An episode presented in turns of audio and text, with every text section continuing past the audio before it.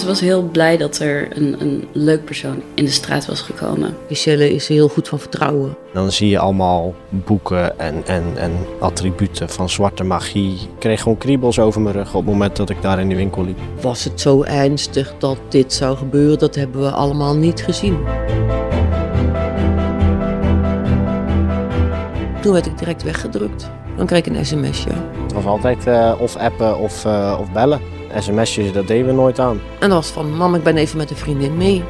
Dat was voor mij al de eerste red flag. Daar dacht ik al van, met, met wie dan?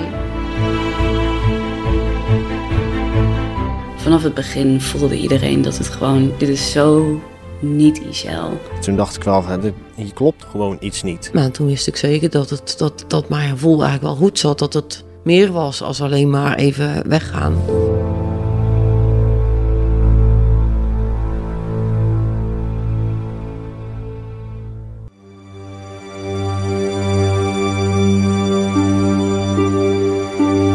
Begin 2021 komt het Zeeuwse Oostburg vol in de schijnwerpers te staan.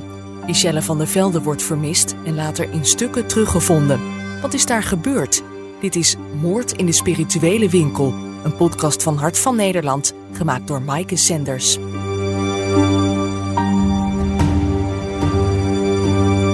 Voor een van de meest geruchtmakende moordzaken die ons land de afgelopen jaren heeft gekend, gaan we diep naar het zuiden, naar Oostburg, een klein stadje in Zeeuws-Vlaanderen met nog geen 5000 inwoners. Een vredig plaatsje met een kerk, een theater en een ziekenhuis. Criminaliteit is er ver te zoeken. De 29-jarige Ischelle van der Velde opent er eind 2017 een naaiatelier in het centrum, Pins en Needles. In het straatje zit onder meer ook een plantenwinkel en een cafeetje. Op de hoek, twee deuren naast de naaiwinkel, zit sinds het voorjaar van 2020 het spirituele huisje Lotus. Een spirituele winkel van de Belgische Sandra. Michelle kan het goed vinden met veel mede-ondernemers in Oostburg. Ook met Sandra. Ze bouwen in een half jaar tijd een vriendschap op. En die lijkt uiteindelijk fatale gevolgen te krijgen voor Michelle.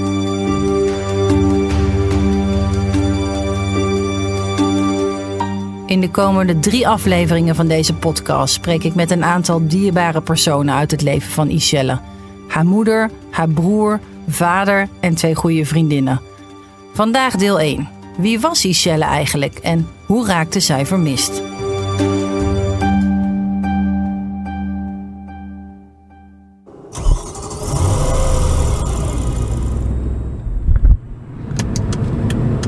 Ik zit in de auto ben op weg naar IJsendijken in Zeeuws-Vlaanderen. Ik heb vandaag mijn eerste afspraak voor deze podcast. Dat is met de moeder van Ishelle, Miranda. Ik heb al een hele tijd contact met haar, maar eigenlijk heeft ze nog weinig haar verhaal gedaan in de landelijke media. Dus ik ben blij dat ik uh, met haar kan praten vandaag. We gaan uh, verschillende locaties bezoeken, maar eerst ga ik bij haar thuis op de koffie.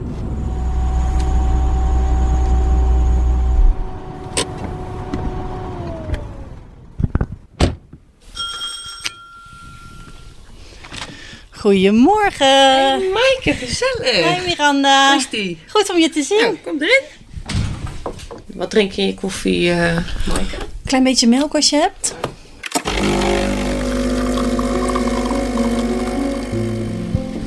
Kijk, alsjeblieft. Oh, lekker. Daar heb ik zin in.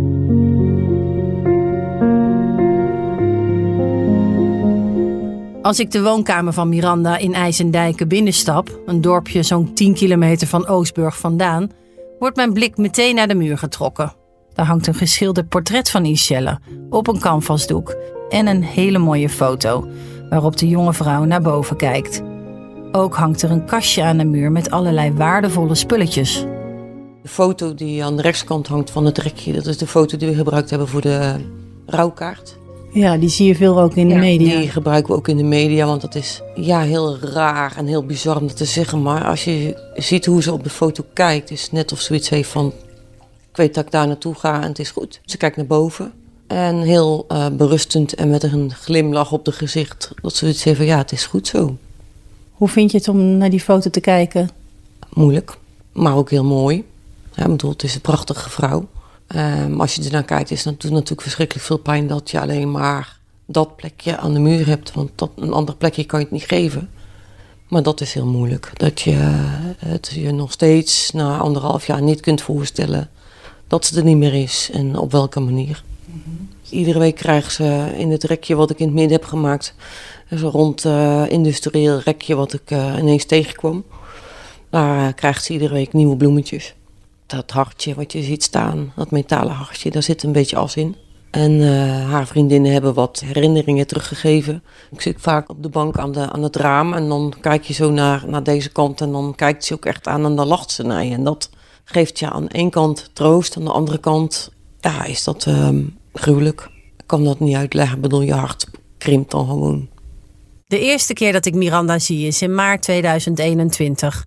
Het is kort nadat de laatste lichaamsdelen van Ishelle zijn gevonden. Ik heb een interviewafspraak met Jeffrey, de broer van Ishelle. Ik weet op dat moment niet dat zijn moeder daar ook bij is. Ik schrok een beetje. Ik dacht, jeetje, ja, heftig natuurlijk. Wat zeg je dan op zo'n moment? Dus volgens mij zei ik iets van, ja, hoe gaat het? Of gaat het een beetje? Weet je nog wat je zei? Nee, dan moet ik eerlijk zeggen dat ik dat een beetje uh, kwijt ben. Het was natuurlijk ook vrij snel nadat ze gevonden is. Klopt. Je zei, het gaat uitstekend, dankjewel. Oh ja, maar dat is een grapje van de familie. Mijn vader is lange tijd ziek geweest. En um, we hadden eigenlijk twee dingen met hem afgesproken. Of in ieder geval, zo, zo is dat eigenlijk gelopen. Dan uh, kwam ik uh, bij hun en zei ik van, uh, en hoe is het vandaag? En dan zei hij zijn gangetje. En zijn gangetje, dan ging het redelijk goed. Voor zover het mogelijk was natuurlijk. En als ik dan binnenkwam, ik zeg, en hoe is het? Uitstekend. Dan wist ik gewoon dat het echt niet ging. Dat het gewoon slecht ging. Dus ik heb dat een beetje overgenomen. Wij eigenlijk allemaal van, gaat het een beetje ja, uitstekend? En dat is eigenlijk een sarcasme. Tekent dat jou, hoe jij bent? Ja, ik heb wel zwarte humor, ja.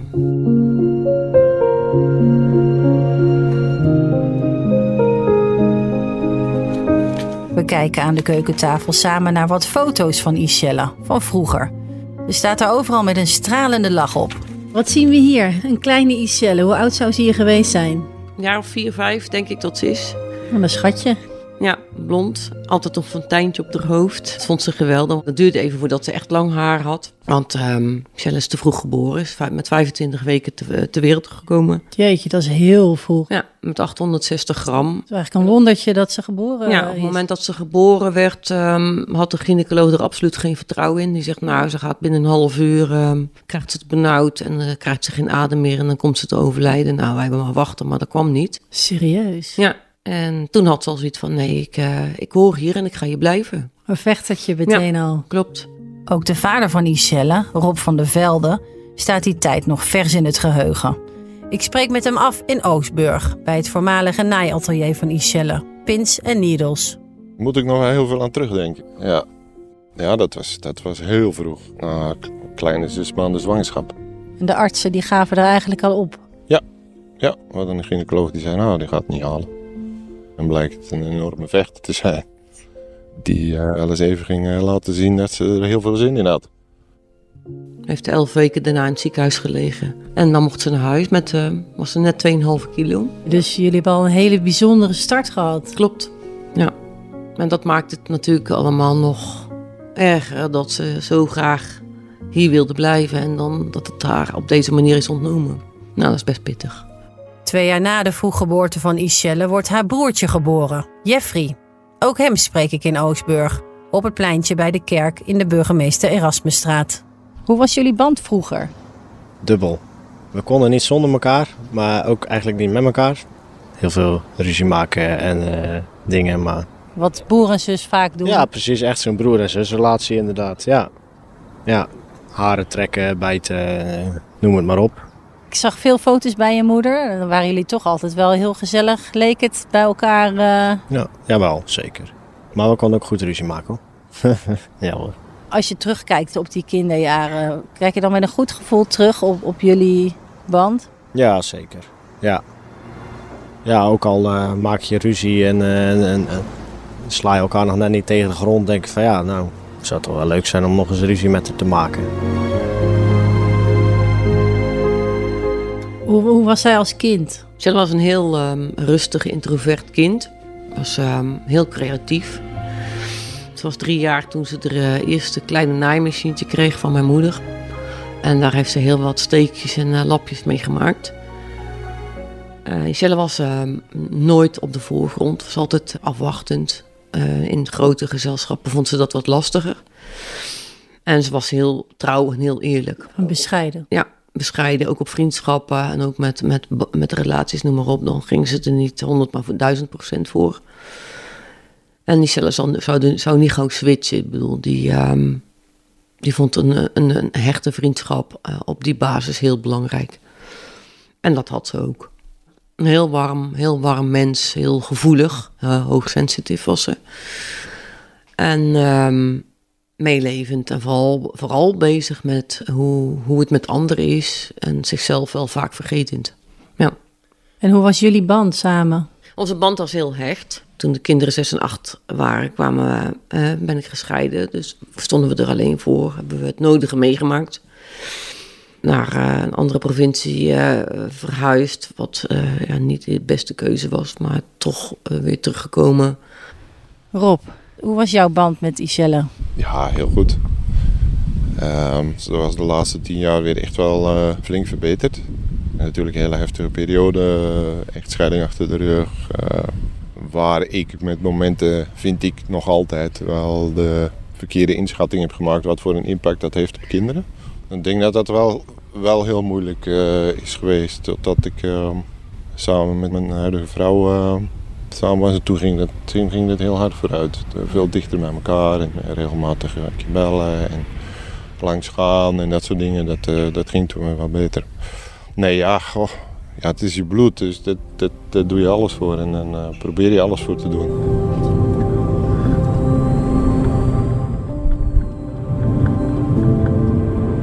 Ik zit weer in de auto, dit keer onderweg naar Rotterdam. Ik heb vanmiddag een afspraak met uh, twee goede vriendinnen van Iselle, Jacqueline en Bianca. Jacqueline kent Iselle al vanaf de kleutertijd en Bianca die heeft Iselle leren kennen tijdens haar studie in Amsterdam.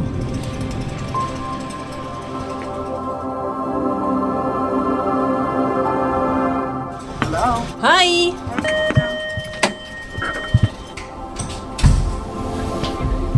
Hi. Maaike. Super. Wat een leuk buurtje. Ja, Rotterdam Noord gestort. Oh, een leuk huis. Hallo. Hoi. Ik ben Maaike. Hi, goed je te zien. Um, laten we even met jou beginnen, Jacqueline. Want jij kende Iselle al heel lang, hè? Uh, ja, sinds ons vierde. Ja, basisschool is begonnen.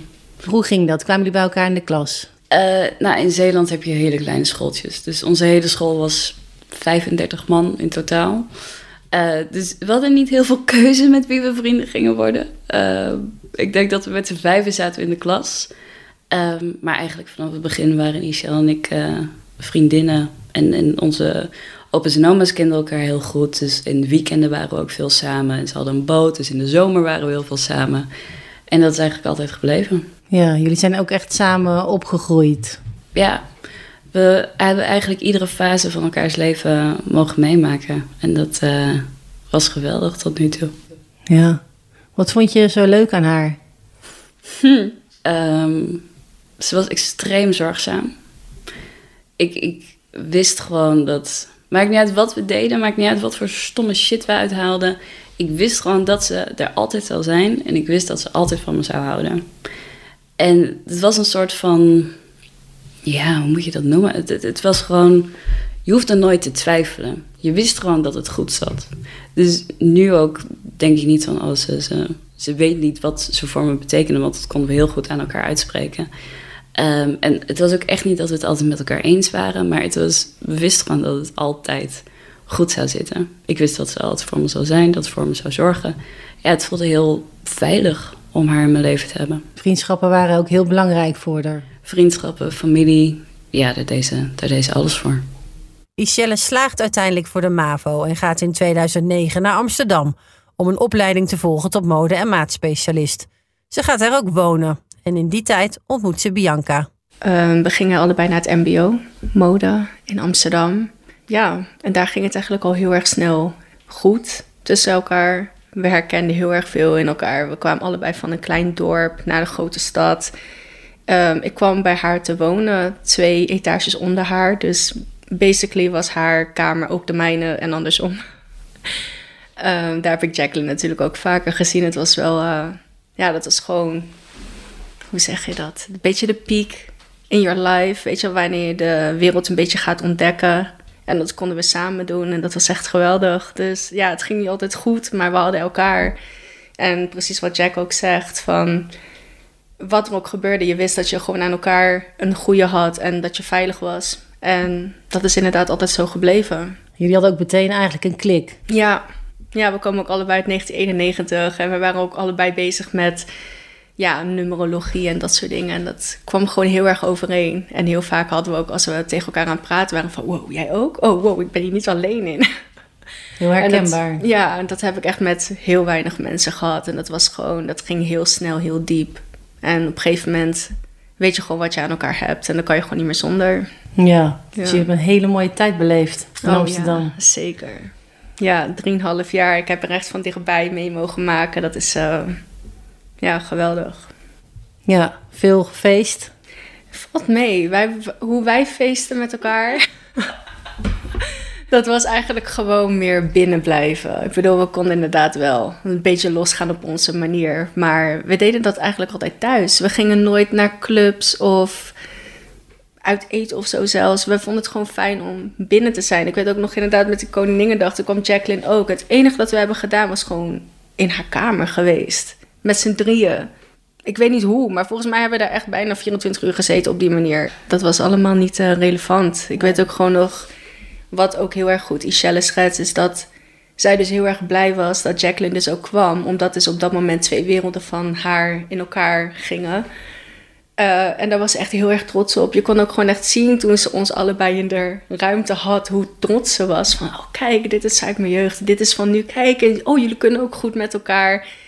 Ze wist dat al vooraf. Ze zei van, ja nou, you're gonna love her. Het is gewoon, dat, dat gaat goed komen. En andersom was dat ook zo. Ik weet niet, dat was gewoon die hele setting. Ja, dat, dat was gewoon Ishel. Wij waren bij haar. En omdat wij bij haar waren, waren we ook gewoon goed met elkaar of zo. Het was, ik weet niet. Die magie had zij. Dat verbinden. Het klinkt wel als eh, een hele diepe vriendschap. Ja. Ja, Ishel was niet van de, van de oppervlakte. Dat kon ze heel goed hoor. Ze kon echt wel met, met klanten in de winkel, kon ze echt gewoon lekker kletsen en helemaal niks aan de hand. Um, maar ze, ze had wel de voorkeur voor gewoon hele goede diepgaande relaties dan heel veel vrienden waar ze mee kon partyen en waar ze mee kon, uh, kon feesten. Dat interesseerde er niet zo heel veel. Ik bedoel, we hebben festivals gepakt. Ik heb meer dan genoeg werk met haar, met haar doorgebracht of pukkelpops of whatever. We hebben het allemaal gezien. Um, maar op een gegeven moment, ik denk toen we wat ouder werden, wat heel stom klinkt als je 29 bent, maar dat we wel dachten van ja, het hoeft niet zo voor ons. We vinden het veel fijner als we dan eindelijk bij elkaar zijn, dat we kunnen praten en dat we het kunnen hebben over alles wat dingen met ons doet. En, en alles wat ons interesseert. Dan dat we bier staan te hijsen aan de bar, zeg maar. Echt quality time. Ja, letterlijk. Ja.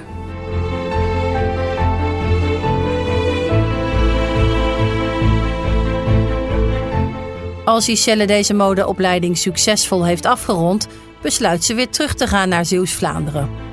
Moeder Miranda vertelt over die tijd aan de keukentafel is een jaartje bij mij gewoond. En na dat jaar uh, kreeg ze een eigen woning. Ja, waar ze tot, uh, tot ze verdwenen is uh, gewoond heeft. Een mooi appartement. En daar begon ze haar eerste ateliertje in een kamertje.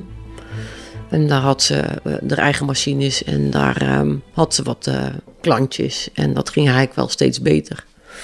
En dan um, 2017, eind 2017, ja, wilde ze toch wel proberen om dat, om dat voor zichzelf te gaan opzetten. En dan met de medewerker van de gemeente. En iemand die, uh, die daarin uh, begeleidt, uh, ondernemersplannen, noem maar op. Hebben we dat uh, samen voor elkaar gekregen en dan een pandje kunnen huren. En dan moest dat verbouwd en dan moest dat ingericht en dan moest dat geopend. En dat zijn allemaal dingen voor Richelle die heel erg um, spannend waren.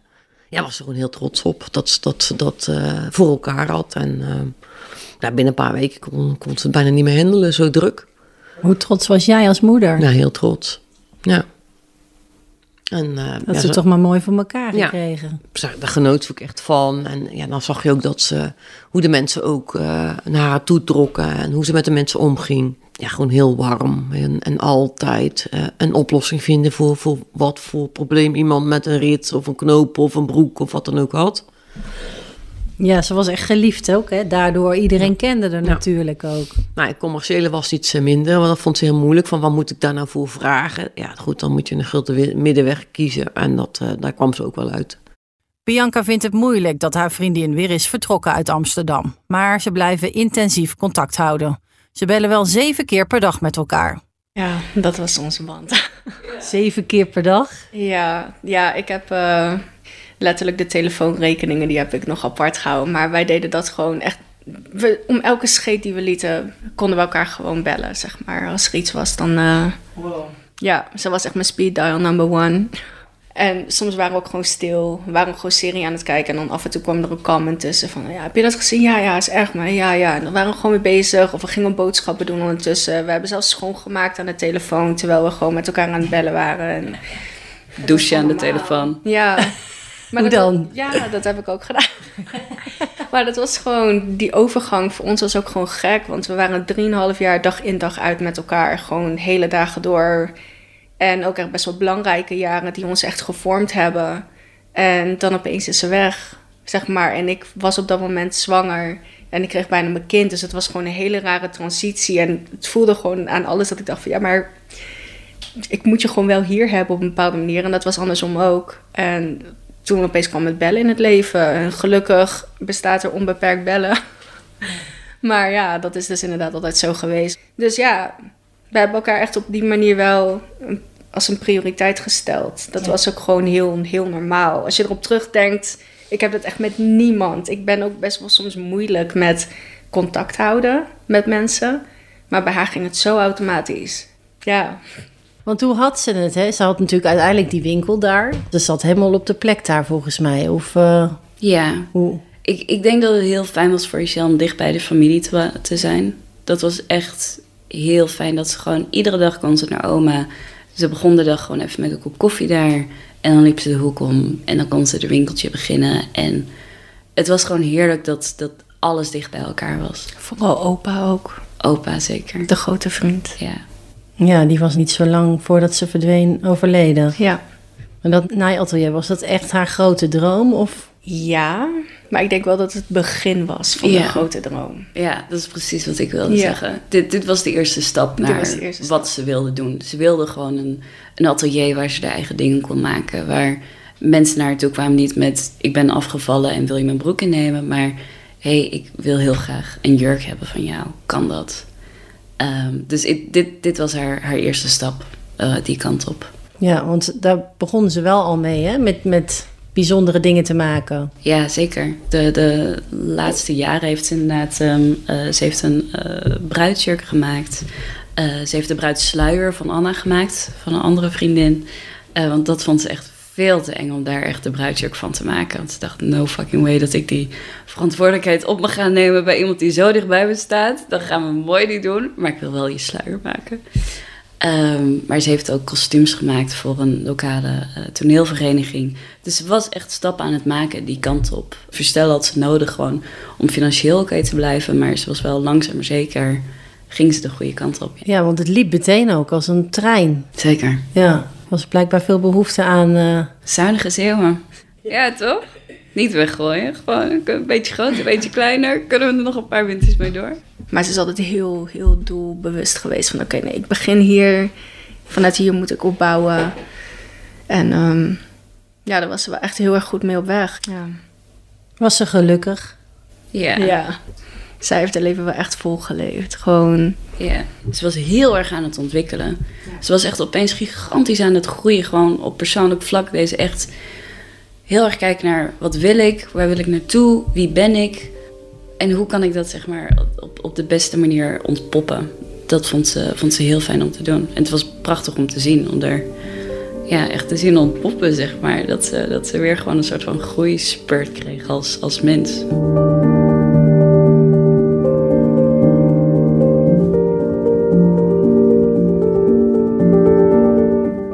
Een moeder en een dochter ehm, ja, waren ook wel, wel dikke maatjes. We deden ook ve- veel dingen samen, we deden ook dingen apart, dat moet ook. En natuurlijk, we hadden ook allebei het, eh, het, het standvastige karakter. Dus dat botste ook eh, regelmatig best wel lekker. Ja, goed, dan hadden we aan de telefoon ehm, een discussie over lekkere ruzie. En dan gooit iemand de telefoon erop een uur later. Sorry mam, sorry Shelle, weet je wel.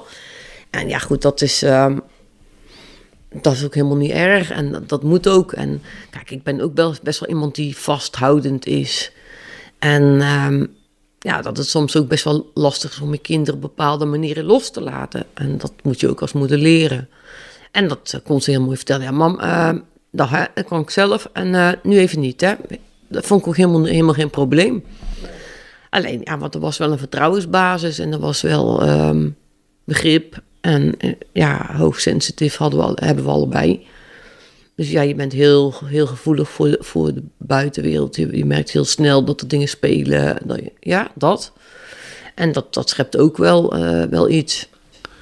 Maar nam ze jou ook in vertrouwen als ze ergens mee zat? Of ging ze dan toch liever naar vriendinnen? Ik denk wel dat ik het meeste wat in haar leven speelde weet. Kijk, ik vertel ook niet alles tegen mijn moeder. Dat, ze- dat heeft zij ook niet gedaan. Dat is ook logisch. Kijk, en iedereen heeft vrienden om zich heen. En tegen de een vertel je dit, tegen de ander vertel je dat. Dat, dat filter je zelf uit. Maar ehm, ik wist wel wat, wat er speelde. Michelle vindt steeds meer haar draai in Oostburg. In mei 2020 opent de Belgische Sandra een winkel in dezelfde straat als waar het naaiatelier van Michelle zit. Het spirituele huisje Lotus zit op de hoek van de straat. Twee deuren naast Pins Needles. Sandra en Michelle zoeken elkaar steeds meer op. Sandra is natuurlijk in mei begonnen met die winkel daar. En ehm, ze is via iemand anders in contact gekomen met, eh, met Sandra. En ze raakte bevriend. En ja, die ehm, was daar wel blij mee. Ja, want haar andere vriendinnen woonden ver weg. Amsterdam, eh, Veldhoven en eh, Rotterdam. En Iselle ging vaak naar Oostende om ehm, stoffen in te kopen. Was een eh, stoffengroothandel. En daar was een keer mee geweest, Sandra. En dan... ja, dat was heel leuk geweest. Dus ze zei, ja, wel, wel fijn dat ik dan ook iemand heb die dichtbij is, waar ik ook eens iets leuks mee kan doen. Ja, ik heb daar niks bij gedacht. Kenden jullie Sandra? Hebben jullie er wel eens ontmoet? Ik heb haar nooit ontmoet. Nee. Ik heb, ik heb foto's van haar gezien, uiteraard. En Michelle heeft veel over haar verteld. eh, maar ik heb haar nooit persoonlijk ontmoet. Jij? Ehm, ik ben wel eens in de winkel geweest. Ik heb er wel gezien. Maar niet echt dat ik met haar heb gesproken of iets. Nee. Want je zegt, die Shell heeft veel over haar verteld. Wat vertelde ze over haar? Ja, ze was heel blij dat er een, een leuk persoon in de, in de straat was gekomen. Ehm, en wij woonden natuurlijk allemaal ver van Michelle vandaan. Ehm, dus wij waren in eerste instantie ontzettend blij dat er iemand dichtbij was... waar ze gewoon even gezellig een kop koffie kon gaan drinken. Ehm, ja, Wat schepte die band? Wat vond ze leuk aan haar? Michelle was wel spiritueel. En dat, eh, eh, dat hadden ze wel gemeen. Ja. Ja, ik weet niet zo goed wat ik daarover moet zeggen. Ehm, je kijkt er nu zo anders naar. Ja. Ehm, ja, dat ik, ik, ik weet nauwelijks, afgezien van het feit dat ik blij was dat ze, dat ze iemand had die, die dichterbij was, ehm, ben ik nu al bijna vergeten hoe het was in die tijd. Ja, ik focus me ook niet heel erg op Sandra. Dit, dit, alles waar we doorheen zijn gegaan, heeft zij denk ik, ja, ondanks dat ze natuurlijk ehm, een groot aandeel heeft in wat er natuurlijk is gebeurd, hè, speelt het voor mij persoonlijk, speelt zij minder een rol. Omdat het voor mij echt gaat om Michelle. Jeffrey, je zei, ja, je kende haar natuurlijk vaag. Ja. Wat vond je van haar? Ja, ik had een heel raar gevoel. Ik ben daar één keer geweest in die winkel. En dat was eh, eigenlijk in de, in de week dat mijn opa overleden was naar zijn uitvaart toe. Toen hebben we daar een, een, kaars gekocht, een soort gedenkkaars zeg maar. Die zouden we dan op het graf van opa zijn beste vriend gaan zetten, samen met een bloemstuk. En toen ben ik daar geweest en ik kreeg een heel raar gevoel in die winkel. En dan zie je allemaal boeken en, en, en attributen van zwarte magie. En ik denk, nee, ik ik kreeg gewoon kriebels over mijn rug op het moment dat ik daar in die winkel liep. En dan die overheersende geur van wierook. Kijk, ik kan ook wel eens zo'n dingetje aansteken, maar dan één. Maar daar stonden er gewoon misschien wel twintig tegelijk te branden. En dan, Nee, ik, ik, voelde me niet fijn. Ik heb volgens mij ook nog zelfs tegen mijn zus gezegd van... Nou, zullen we gaan? Want uh, ik vind het wel goed hier.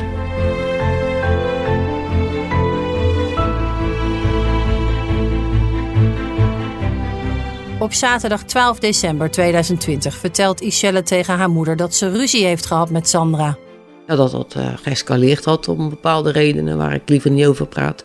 En dat ze ja, 180 graden gedraaid was en dat ze ja, daar heel erg in teleurgesteld was. Want kijk, Ishelle is heel goed van vertrouwen. En ja, daar heb ik al zo vaak tegen haar gezegd: pas nou om met dat eindeloze vertrouwen van je. Want ja, hou nou altijd een beetje argwaan. Maar dat was voor haar heel moeilijk.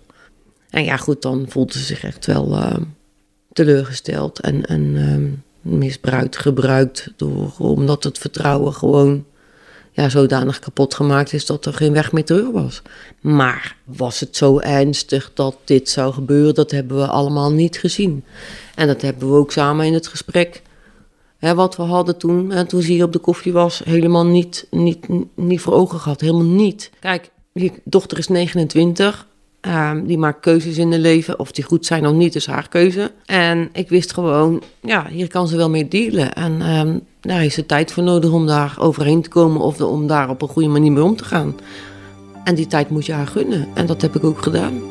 Waar die ruzie precies over ging, wil Miranda dus nog niet vertellen. Daarover later meer.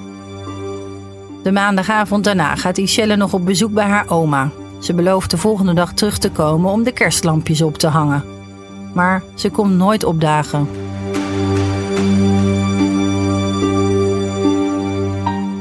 Dinsdagochtend 15 december 2020 heeft Miranda nog contact met haar dochter.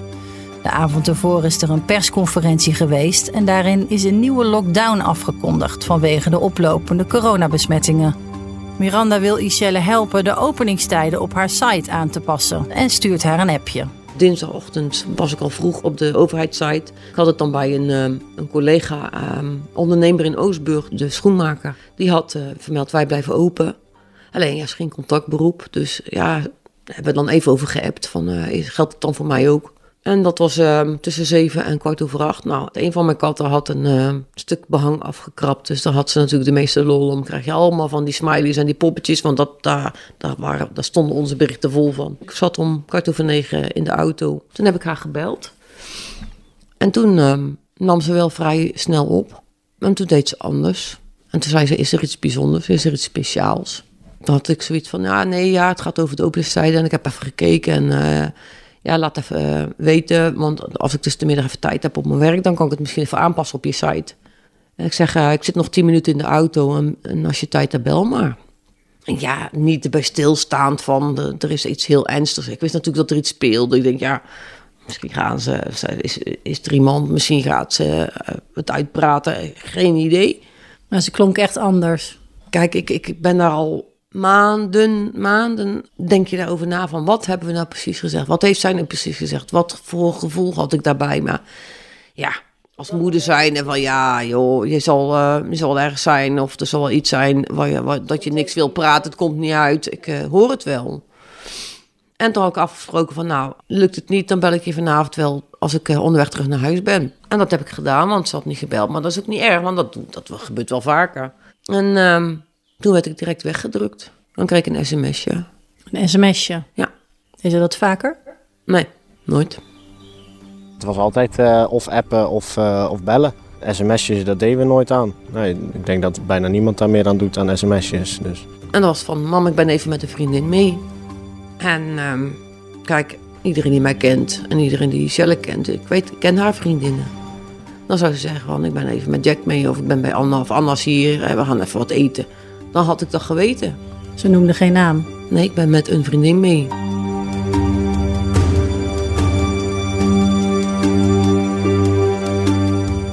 Ook vriendin Bianca krijgt een sms'je van Ishelle. Ze krijgt er meteen een slecht gevoel over.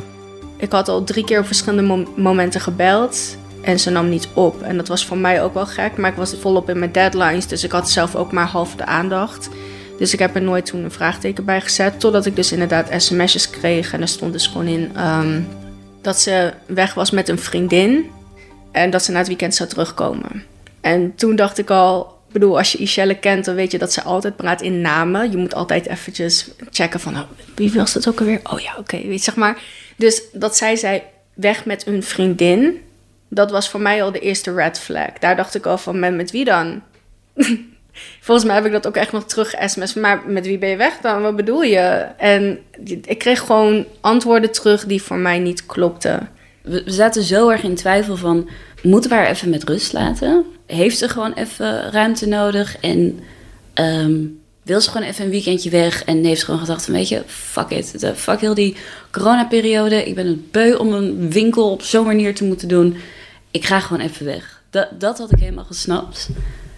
Maar dan had ze ons gebeld en had ze zeg maar willen delen dat ze die, eh, die keuze had gemaakt. En dat wij konden zeggen, oh liever, wat fijn, ja, doe het gewoon even. We zien je maandag weer. De, als je wilt dat we langskomen, laat maar weten. Ehm, maar dan zou ze het met iemand gedeeld hebben. Dan zou ze geregeld hebben dat iets voor die kat aan de hand was. En dan zou dat gefixt worden. Dus wij zaten in het begin zaten we constant in een soort van... Wil ze dit? Moeten we haar even met rust laten? Ja, maar nee, het voelt zo compleet verkeerd. Ja. Maar ja, misschien is het wel zo. Ja, Bianca heeft een sms gehad.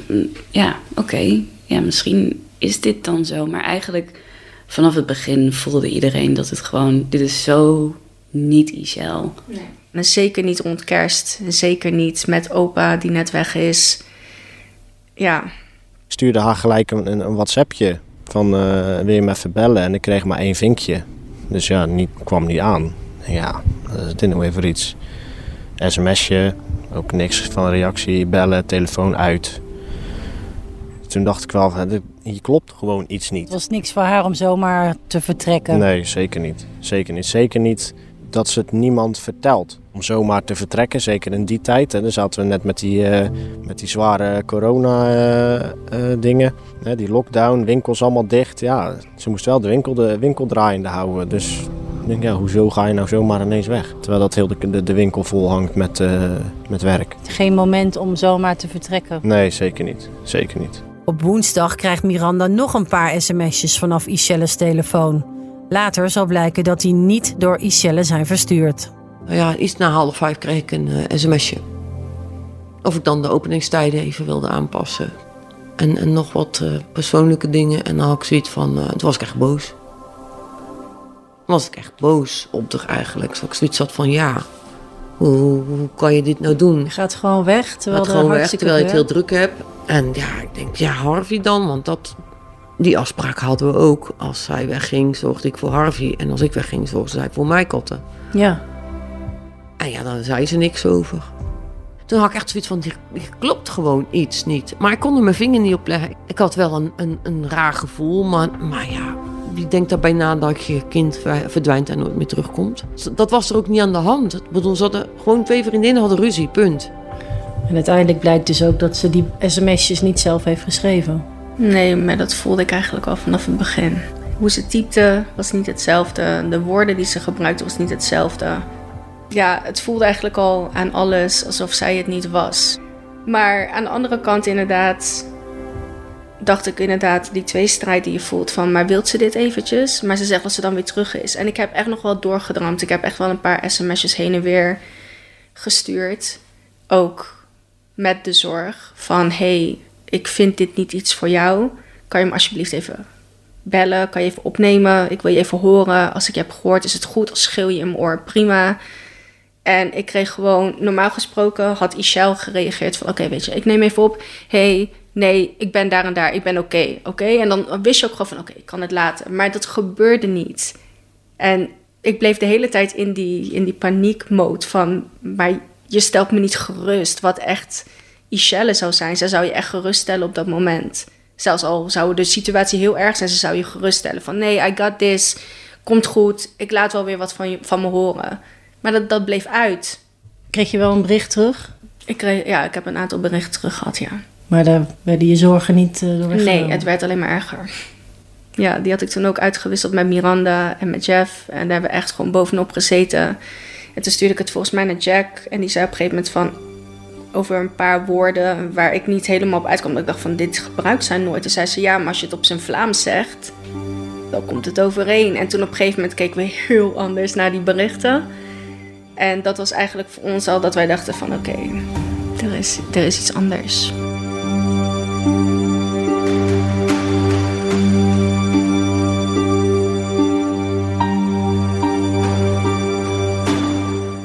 Miranda besluit die woensdag na haar werk meteen naar Oostburg te rijden, naar het huis van Ishelle.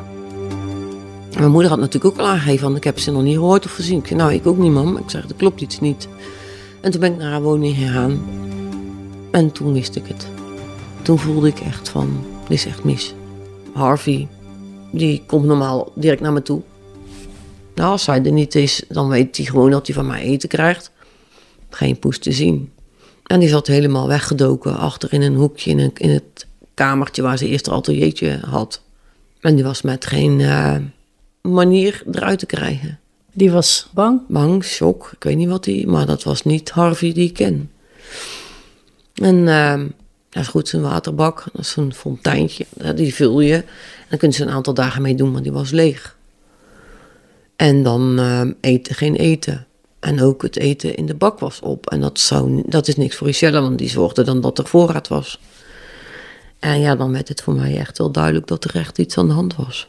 Dat ze niet vrijwillig. Nee. Uh, Direct gekeken is er veel weg. Heeft ze veel kleding. De rugzakken waren. Ze heeft altijd één rugzak mee. Daar heeft ze heel de hebben en houden in. De portemonnee, de sleutels, de, de papieren. En alles wat ze heen en weer sleept tussen de atelier en het huis, weet je wel. Die was weg. Maar voor de rest niks. Geen koffer met kleren. Geen om... koffers weg, geen grote tassen weg. Um, er stond nog uh, afvaat op de aanrecht wat ze nog moest in de vaatwasser moest doen. En die, was net, die had net gedraaid. Er hing was te drogen en dan waren de lievelingskleren. Maar er waren toch een aantal broeken die ze graag droeg. Maar dan zakt de grond onder je voeten vandaan, denk ik. En toen wist ik zeker dat, het, dat, dat mijn gevoel eigenlijk wel goed zat. Dat het meer was als alleen maar even weggaan. En uh, ben ik naar mijn moeder gegaan en ben ik daarna naar huis gereden. En heb ik gelijk uh, de politie uh, ingeschakeld.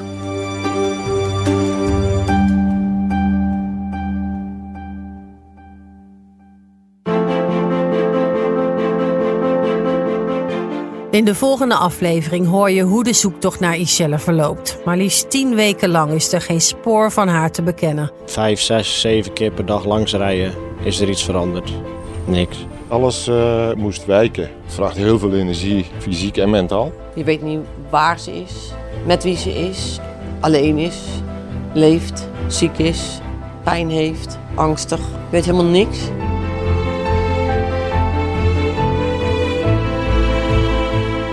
En dan vervliegt in één klap alle hoop voor haar dierbaren. Dan zakt de grond van onder je voeten vandaan. Het is een slechte horrorfilm en dat zie je nog niet eens op tv. Toen was het voor mij ook wel even klaar. Dan stopt echt alles. Dan stopt echt alles. Dit is gewoon te gruwelijk voor woorden dat, je, dat iemand dit zo mijn kind kan aandoen. Dit was Moord in de Spirituele Winkel. Een podcast van Hart van Nederland, gemaakt door Maaike Senders. Redactie is gedaan door Elin Stil, productie door Daniel Bom. Vormgever is Elin van Aken, eindredacteur Irene Jansen. Vond je deze podcast nou interessant? Laat een review achter en deel hem met je vrienden. Wil je meer crime podcasts horen? Luister dan naar Bloedband, waarin familie van daders vertellen over hun leven dat veranderde nadat hun geliefde een misdaad pleegde. Wil je iets anders? In de podcast Uit welke kast kom jij? bespreekt Mirella van Marcus met jongeren hoe het is om uit de kast te komen. We blijven deze zaak tot het einde aan toe volgen. Abonneer je vooral om niets te missen. Wil je reageren op de podcast? Mail dan naar podcast.hart.talpanetwork.com.